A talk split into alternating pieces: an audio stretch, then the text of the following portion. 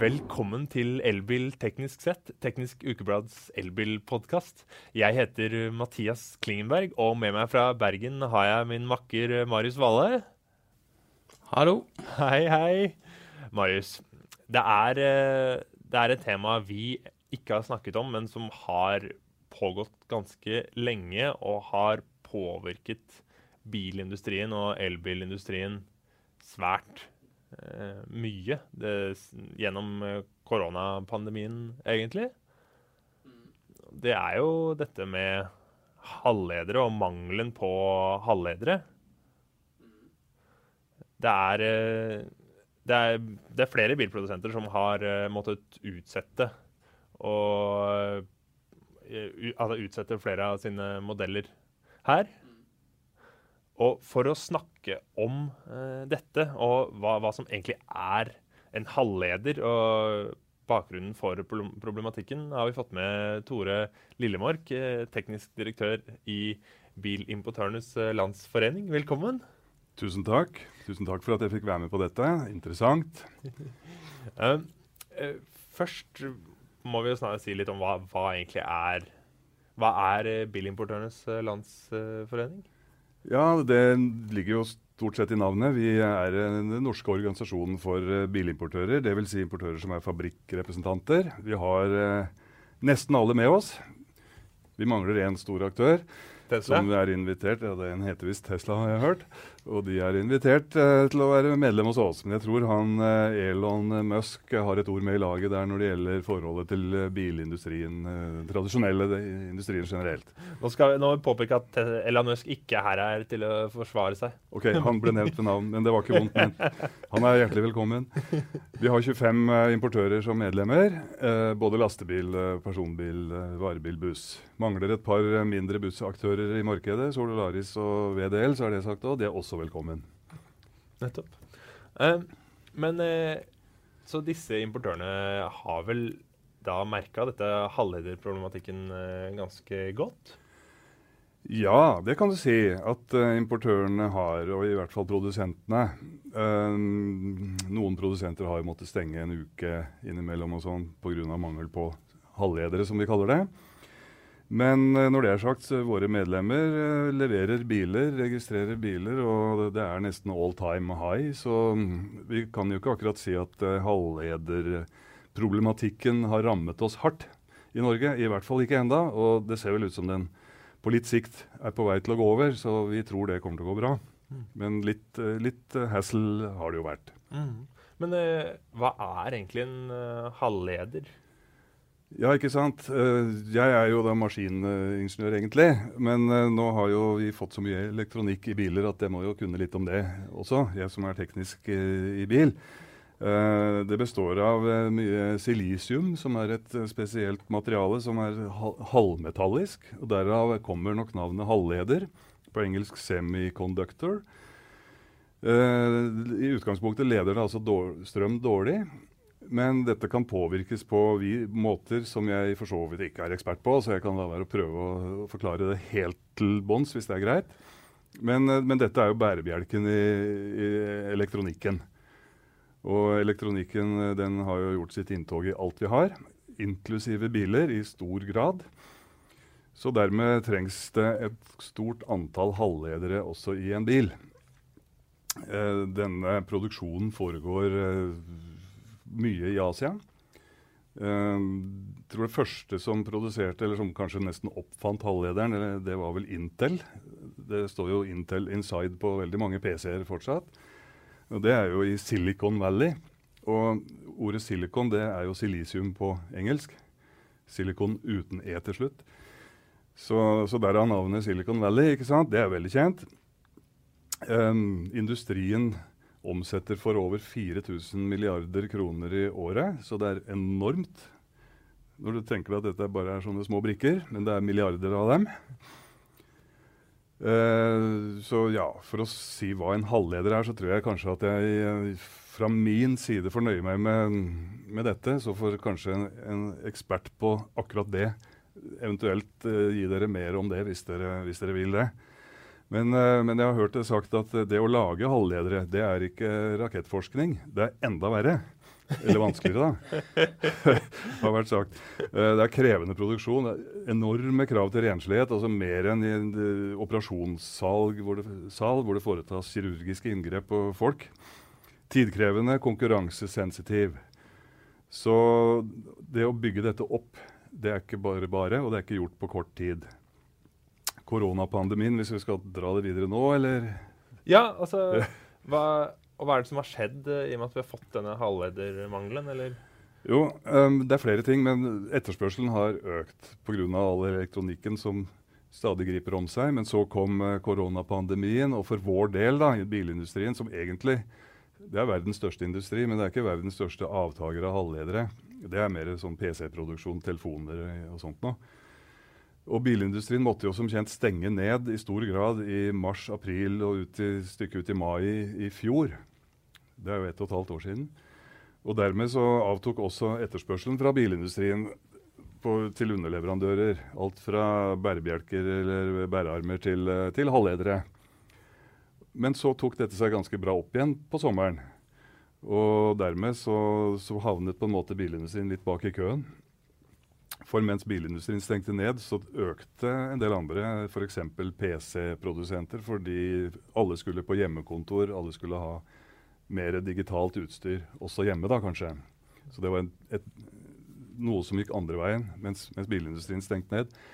Så dette sliter vi med den dag i dag. Det er, det er flere årsaker. Det, det har vært antagelig smitteutbrudd hos noen store produsenter, som sagt gjerne i Asia. Det har vært, jeg har hørt om branner ved fabrikker, strømbrudd, og til og med denne enorme containerbåten som kilte seg fast i Suezkanalen. Ting i kombinasjon har gjort at vi er der vi er i dag. Men som sagt, i hvert fall for vår del i Norge så langt, vi leverer biler som bare det. Det hender at noen må vente litt lenger enn egentlig avtalt på bilen sin, dessverre. Uh, vi opplever fra våre medlemmer at de fleste kunder er uh, forståelsesfulle, i hvert fall, uh, når det gjelder det. Ja, men ja, Situasjonen er sammensatt, men pandemien har hatt veldig mye å si, da. Men Handler dette litt om hvordan bilindustrien produserer også? om jeg har forstått riktig, så mm, er de fleste bilprodusenter bruker en sånn just in time metode, da. At man ikke har store lagre med komponenter liggende, men at dette kommer etter hvert som man har behov for å bruke det. Just in time og et begrep som er kanskje enda mer fancy, just in sequence.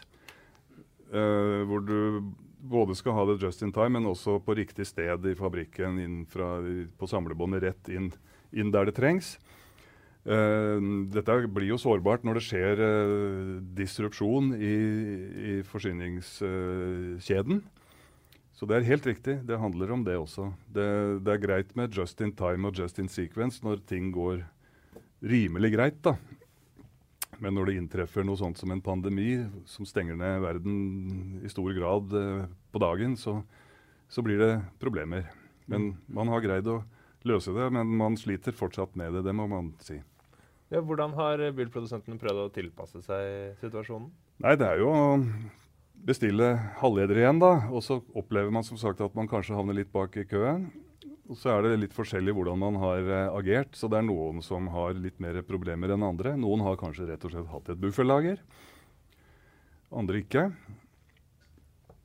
Så det er forskjellig. Det, det vet jeg ikke mer om. For hvordan hver enkelt produsent uh, agerer, det, det, vet jeg ikke, rett og slett. Så det, jeg kan ikke gå inn på det. Det har jeg ikke noe kunnskap om. Mm. Men generelt så, så, vil det være forskjeller, og, og, det vil som sagt være at man, man selvfølgelig tar opp igjen bestillingene, og prisene øker sikkert osv., osv., men, men man opplever å, å, havne litt bak i køen. Mm. Vi, vi, har jo spurt eh, noen av importørene, og de sier jo at de har eh, tilpassa produksjonen. Det er mange eh, som bruker eh, det begrepet at uh, de har tilpassa produksjonen med ja, litt enklere utstyrte biler, ikke fullt så mange elektriske styrte ting. Um, og så, så, de har liksom prøvd å være litt smidige der, da. Og Tesla sier jo bl.a. at de har eh, de har eh, skrevet om firmwaren til å være kompatibel med andre eh, mikrobrikker. Også så prøvd å være litt smidige på det, på det settet. Så det, det, virker som de har prøvd å, prøvd å komme rundt problemet på en måte, da. Ja, det er riktig. Det har vært um, som eksempel montert manuell rattjustering. slik det var vanlig før, og fortsatt er vanlig på mange biler. Men mange biler har elektrisk, og da er det styrt av elektronikk som inneholder halvledere. Så har man altså montert manuell rattjustering for å få levert bilen, og så må man kanskje da, hvis, hvis det er avtalt med kunden, etterpå bygge om til uh, elektrisk uh, og digitalt styrt når uh, halvledersituasjonen bedret seg. Og Man har også gått over til analoge instrumenter i stedet for digitale, som de fleste har i dag. Og kanskje andre ting som man kan gjøre litt tilbake til fortiden for å kunne levere bil som er kjørbar. Mm. For og for, gjerne for, for, ettermontering, modifisering etterpå, når situasjonen som sagt eh, gjør det mulig. da. En del sånne ting.